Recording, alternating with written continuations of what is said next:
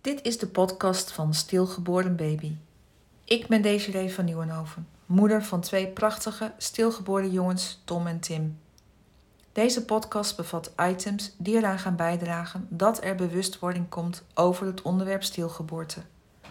Nog altijd voelen ouders die dit overkomen is zich alleen en eenzaam en vaak onbegrepen. Ik wil ervoor zorgen dat deze gevoelens de wereld uitgaan. Want ook bij een stilgeboorte word je ouder, ben en blijf je altijd ouder. In deze aflevering heb ik het over altijd een lege stoel. Ouders die kinderen hebben, missen altijd hun baby, die ze tijdens de zwangerschap zijn verloren door een miskraam of stilgeboorte. Ook al hebben ze één, twee, drie of meer kinderen, altijd blijft het gemis van dat stilgeboren kindje. De lege stoel is later vooral pijnlijk tijdens verjaardagen of feestdagen. Dit is wellicht iets waar de omgeving niet gelijk bij stilstaat. Omdat er kinderen zijn, wordt het gemis meer naar de achtergrond geschoven. Meestal wordt er niet veel meer over gesproken, over de verloren zwangerschap. Wat je niet ziet, is het toch niet? Niets is minder waar. Ouders die een stilgeboren kindje hebben en daarvoor of erna levende kinderen hebben gekregen, staan nog altijd stil bij het verlies.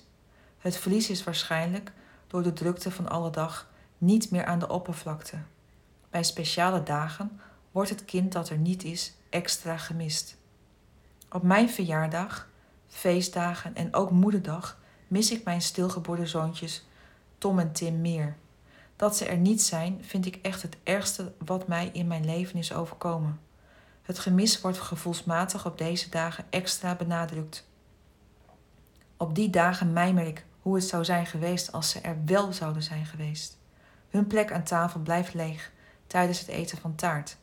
Ik vermoed dat het voor veel ouders die net als ik een stilgeboren baby hebben of om een of andere reden een kind moeten missen, heel herkenbaar is. Abonneer je op mijn kanaal om erkenning, herkenning te krijgen over stilgeboorte. Ken je mensen in jouw omgeving die dit is overkomen? Attendeer hen dan op deze podcast. Samen krijgen we het taboe dat op stilgeboorte rust de wereld uit. Wil je meer weten over stilgeboorte en door welk proces je als ouder heen gaat? Lees of luister dan mijn boek Stilgeboren. Het boek is te bestellen op stilgeborenbaby.nl.